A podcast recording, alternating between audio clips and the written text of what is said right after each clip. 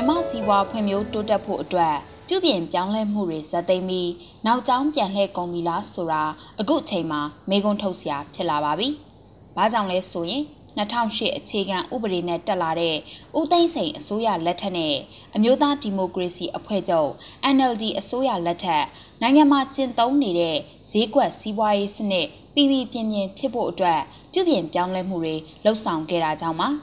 ဒါပေမဲ့စစ်တပ်ကအာဏာသိမ်းပြီးချိန်မှာတော့ပြည်ပြင်းတဲ့ဈေးကွက်စီးပွားရေးစနစ်အတွက်တိစောက်ခဲ့တာတွေဟာတဲတဲ့ရေသွန်ဖြစ်ပြီးနိုင်ငံဟာရာစုနဲ့ထက်ဝက်နီးပါးအသားကျခဲ့တဲ့လက်တင်ရာစားတော်ခေါ်တဲ့ဈေးကွက်စီးပွားရေးစနစ်ကိုပြန်သွားနေပြီလားဆိုတာကိုမေးခွန်းထုတ်ရတော့မှာဖြစ်ပါတယ်။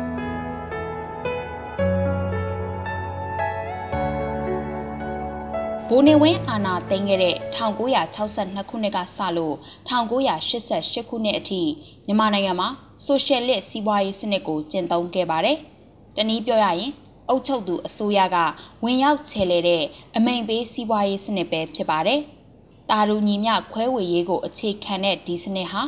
စင်းရဲချမ်းသာမှုကိုကြုံသွားစေမဲ့အခြေခံလူရန်စားတွေဘက်ကရက်တီပေးမဲ့စနစ်ဖြစ်ပေမဲ့လည်းဒါဟာ ကြားကောင်းယုံဝါဒဖြန့်ယုံတတ်တတ်ပဲဖြစ်ခဲ့ပါတယ်။ကိုတူးကိုချွန်နဲ့မိမိဘာသာစ조사ပြီးကြီးပွားချမ်းသာနေသူတွေရဲ့စီးစိမ်ဥစ္စာပိုင်ဆိုင်မှုတွေကိုစစ်တပ်ကသိမ်းယူခဲ့တယ်လို့သိမ်းယူထားတာတွေကိုလည်းပြည်သူတွေစီပြန်လည်ဝေမျှတာမလုပ်ခဲ့တာကြောင့်ပြည်သူတွေစင်းရဲတစ်ထက်စင်းရဲနိုင်ငံကလည်းမွဲတစ်ထက်မွဲခဲ့ပြီးစစ်အုပ်စုအတိုင်းဝိုင်းကတော့ချမ်းသာပြီးရင်ချမ်းသာလာခဲ့ပါတယ်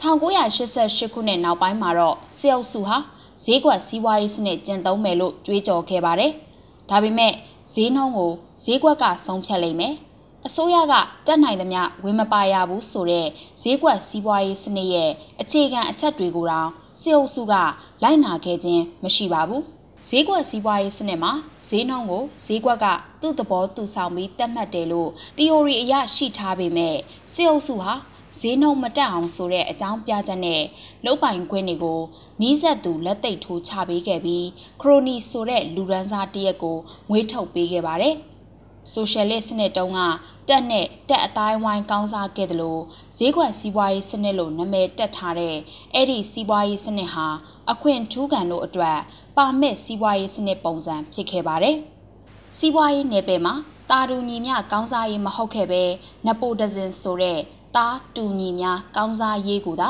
ဈေးကွက်စီးပွားရေးနာမည်ခံကျင့်သုံးခဲ့ပြီးခရိုနီဇန်ဆိုတဲ့လက်တင်ရာစားတော်ခေါ်တဲ့စနစ်အားကောင်းခဲ့ပါတယ်။တိုင်းပြည် GDP တိုးတက်လာတဲ့ဆိုပေမဲ့လူနည်းစုကသာချမ်းသာတဲ့ထက်ချမ်းသာကျွယ်ဝတဲ့ထက်ကျွယ်ဝလာပြီးအများစုဖြစ်တဲ့ပြည်သူတွေဟာဆင်းရဲတဲ့ထက်ဆင်းရဲလာခဲ့ပါတယ်။ဆင်းရဲမွဲတေမှုပပျောက်ရေးဆိုတာအနောက်နိုင်ငံတွေကအထောက်ပံ့ရယူုံတက်တက်ကြားကောင်းုံတက်တက်စကားတွေသာဖြစ်ခဲ့ပါတယ်။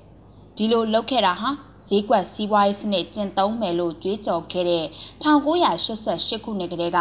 ဦးသိန်းစိန်အစိုးရလက်ထက်2015ခုနှစ်အထိဖြစ်ပါတယ်။ဘာကြောင့်ဒီလိုပြောရတယ်လဲဆိုရင်အရက်ဝတ်လဲထားတဲ့စစ်တပ်ပုံပြောင်းကြန့်ခိုင်ရေးအမိခံဗိုလ်သိန်းစိန်အစိုးရတပ်တန်းကုံဆုံးချိန်မှာ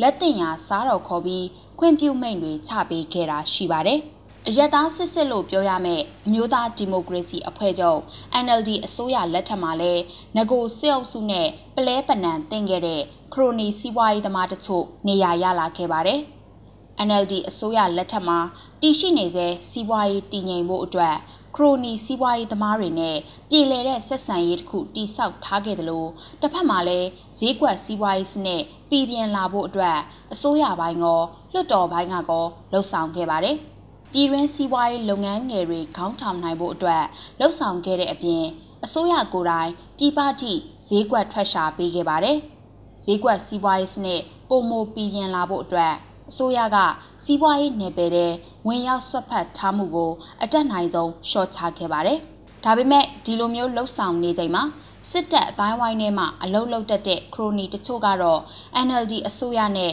နီးနီးကပ်ကပ်အလုတ်တွဲလောက်တာတွေကိုလက်ဆောင်ခဲ့ကြပါတယ်။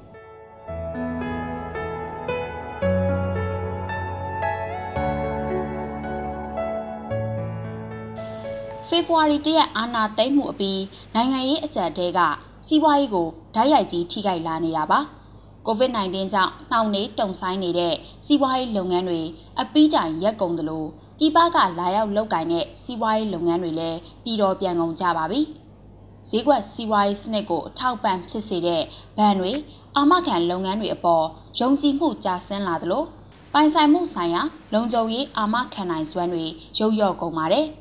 ကြက်ငွေတန်မိုးတွေစံချိန်တင်ကျဆင်းလာသလိုလက်ထဲငွေပြက်ကုန်တဲ့လူလူကြားမှာဝယ်လိုအားကျဆင်းမှုတွေဇက်တိုက်ရှိလာခဲ့တာပါ။ဝယ်လိုအားကျဆင်းမှုနဲ့အတူပြည်ရင်းကုန်ထုတ်လုပ်ငန်းတွေအရှုံးပေါ်ပြီးရက်ဆိုင်လူနေပါဖြစ်ကုန်ပါတယ်။နိုင်ငံရေးမတည်ငြိမ်မှုနဲ့အာဏာသိမ်းစစ်အုပ်စုရဲ့စီမံခန့်ခွဲနိုင်စွမ်းမရှိမှုတွေကြောင့်မြမစီးပွားရေးဟာ အခုလကစပြီးနောက်ပိုင်းကာလတွေမှာ18ရာခိုင်နှုန်းအထိကျုံသွားလိမ့်မယ်လို့ကမ္ဘာ့ဘဏ်ကခန့်မှန်းထားပြီးဖြစ်ပါတယ်။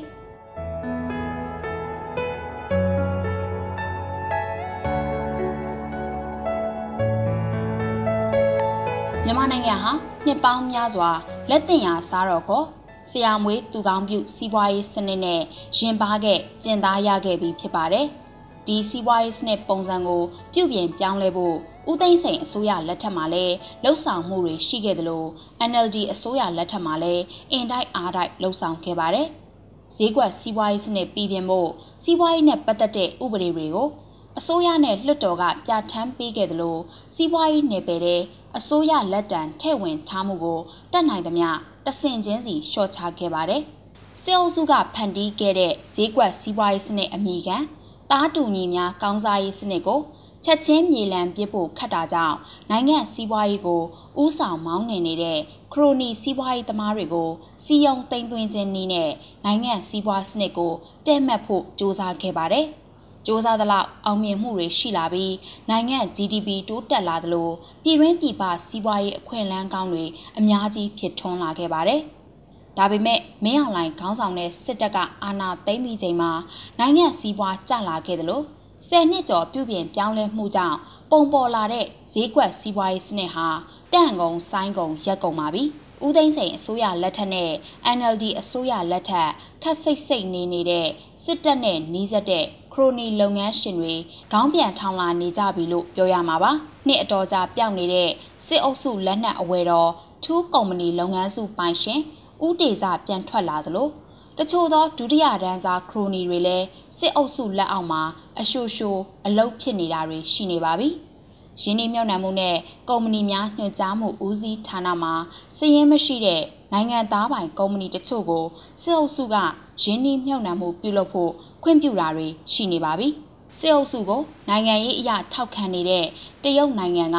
ဘသူသေးသေးငတေမာရင်ပြီးရောဆိုတဲ့စီးပွားရေးလုပ်ငန်းတွေကိုရင်းနှီးမြှုပ်နှံခွင့်တွေပေးနေသလိုစစ်အုပ်စုလက်နက်ဝယ်ရာဂျားခံနိုင်ငံဖြစ်တဲ့စင်ကာပူနိုင်ငံကစီးပွားရေးလုပ်ငန်းတွေကိုလည်းရင်းနှီးမြှုပ်နှံခွင့်တွေအလင်းစလိုထုတ်ပေးနေပြီဖြစ်ပါတယ်။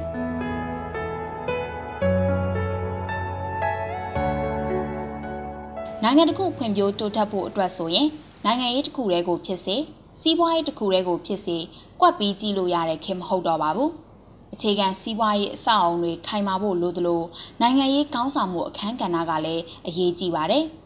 အာရှကြားလို့ခေါ်ရမယ့်တောင်ကိုရီးယားထိုင်ဝမ်ဟောင်ကောင်စင်ကာပူနိုင်ငံတို့လိုဖွံ့ဖြိုးမှုဖြစ်စဉ်တွေအရကိုလိုနီစနစ်အောက်ကနေလွတ်မြောက်ပြီးစအဲ့ဒီနိုင်ငံတွေမှာ နိုင်ငံရဲ့စီးပွားရေးမူဝါဒကိုဥဆောင်ခဲ့သူတွေဟာစစ်နဲ့တော်လှန်ရေးကိုဖျက်ခဲ့ကြတဲ့နိုင်ငံရေးအာသံတဲ့မျိုးဆက်တွေဖြစ်ပါတယ်။အဲဒီကာလတွေမှာဒီနိုင်ငံတွေဟာအာရှကြားမဖြစ်ခဲ့သေးပါဘူး။နိုင်ငံစီးပွားတိုးတက်ရေးထက်နိုင်ငံရေးကစားကွက်တွေအပေါ်အာရုံကြားခဲ့ကြတာဖြစ်ပါတယ်။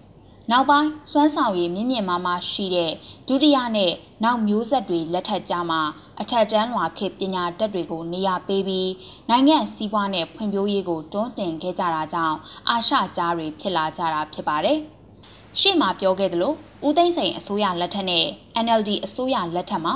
နိုင်ငံစီးပွားအတွက်ပြုပြင်ပြောင်းလဲမှုတွေလုပ်ခဲ့သလိုအထက်တန်းလွာခေပညာတတ်တွေကိုခေါင်းဆောင်မှုနယ်ပယ်တဲ့ဆွဲသွင်းတာတွေလုပ်ခဲ့ပါတယ်။ အဲ့ဒီနည်းတူဈေးကွက်စီးပွားရေးစနစ်ပိုပြီးပြည်ပြင်းလာဖို့နိုင်ငံစီးပွားတိုးတက်လာဖို့တစ်ချိန်ကစေအုပ်စုနဲ့လက်တွဲခဲ့တဲ့ခရိုနီစီးပွားရေးလုပ်ငန်းရှင်တွေကိုညှိနှိုင်းလှုပ်ဆောင်ခဲ့ပါတယ်။ဒါပေမဲ့ဒီ10နှစ်တာကာလအတွင်းလုပ်ခဲ့တဲ့ပြုပြင်ပြောင်းလဲရေးတွေကတော့အလဟတ်သက်ဖြစ်ကုန်ပါပြီ။တိုက်ခိုက်ရေးဆိုင်ရာဘာသာရပ်ကိုသာဒီဇိုင်းမတ်မတ်တင်ယူခဲ့ရတဲ့အာနာသိန်းစစ်အုပ်စုဟာ နိုင်ငံစီးပွားပြန်လည်ကောင်းမွန်ရေးတိုင်းပြည်ဖွံ့ဖြိုးရေးထက်နိုင်ငံရေးအရာအာဏာတည်မြဲရေးကိုသာဦးတည်နေတာကြောင့်ကမ္ဘာအဖွဲ့အစည်းတွေကသုံးသပ်နေကြသလိုအစိုးတန်တရားအထိတပတ်ပြန်လည်နေအောင်မှာဖြစ်ပါတယ်။အဲဒီနည်းတူဈေးကွက်စီးပွားရေးစနစ်ကိုကျင့်သုံးနေပါတယ်လို့ဘလောက်ပဲအတန်ကောင်းဟစ်နေဟစ်နေလက်တင်ရစားတော်ခေါ်ဆရာမွေးသူကောင်းပြူတားတူညီများကောင်းစားရေးစီးပွားရေးစနစ်ပုံစံနဲ့နိုင်ငံပျက်စီးအောင် လှုပ်ဆောင်နေအောင်မှာဖြစ်ပါကြောင်းတင်ပြလိုက်ရပါတယ်။